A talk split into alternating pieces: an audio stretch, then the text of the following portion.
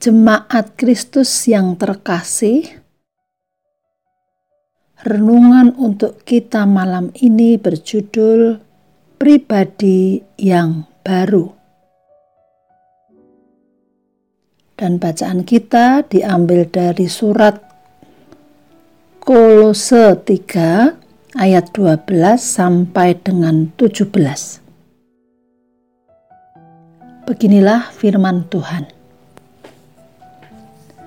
Karena itu, sebagai orang-orang pilihan Allah yang dikuduskan dan dikasihinya, kenakanlah belas kasihan, kemurahan, kerendahan hati, kelemah lembutan, dan kesabaran.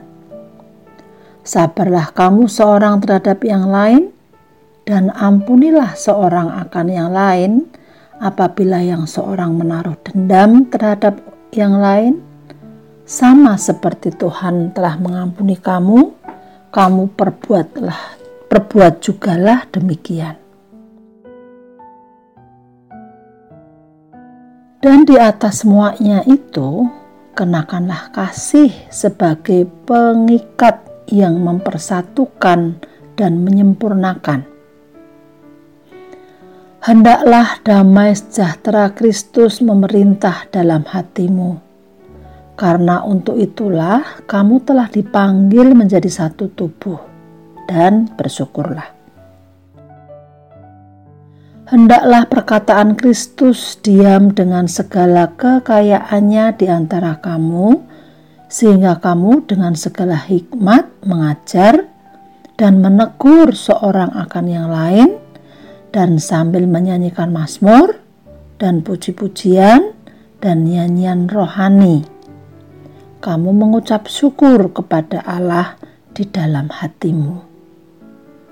Dan segala sesuatu yang kamu lakukan dengan perkataan atau perbuatan, lakukanlah semuanya itu di dalam nama Tuhan Yesus sambil mengucap syukur oleh Dia kepada Allah Bapa kita. Melalui perikop yang baru saja kita baca dan dengarkan bersama-sama di atas, Tuhan dengan jelas telah menerangkan hal-hal apa saja yang kita butuhkan agar kita dapat memuliakan Tuhan dalam kehidupan kita sehari-hari. Di ayat 5 sampai 10 dengan gamblang Rasul Paulus mengingatkan kita untuk meninggalkan segala sifat-sifat lama kita dan menjadi manusia yang baru. Di mana sesuai dengan judul perikop kita hari ini. Maka sebagai manusia baru yang telah diampuni dan dikasihi oleh Allah, kita harus mempunyai belas kasihan, kemurahan, kerendah hatian, kelemah lembutan, dan kesabaran.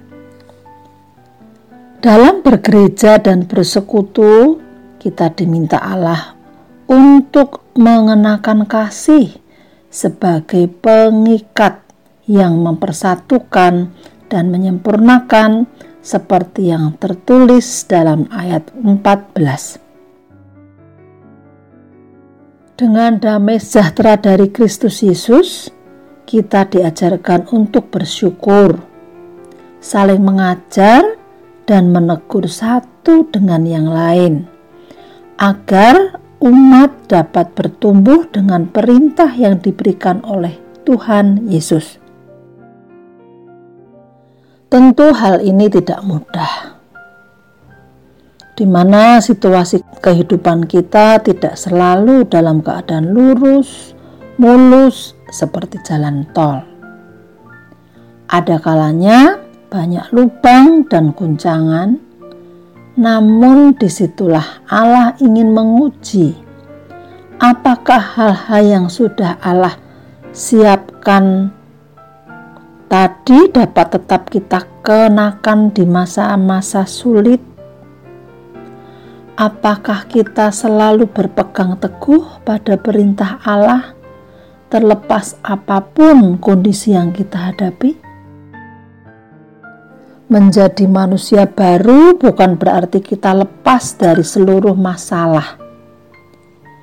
Biarlah kasih menjadi pengikat yang menguatkan dan menyempurnakan, bahkan di masa terpuruk sekalipun.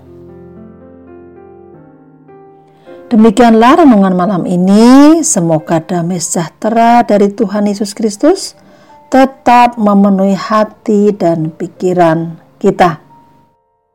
Amin.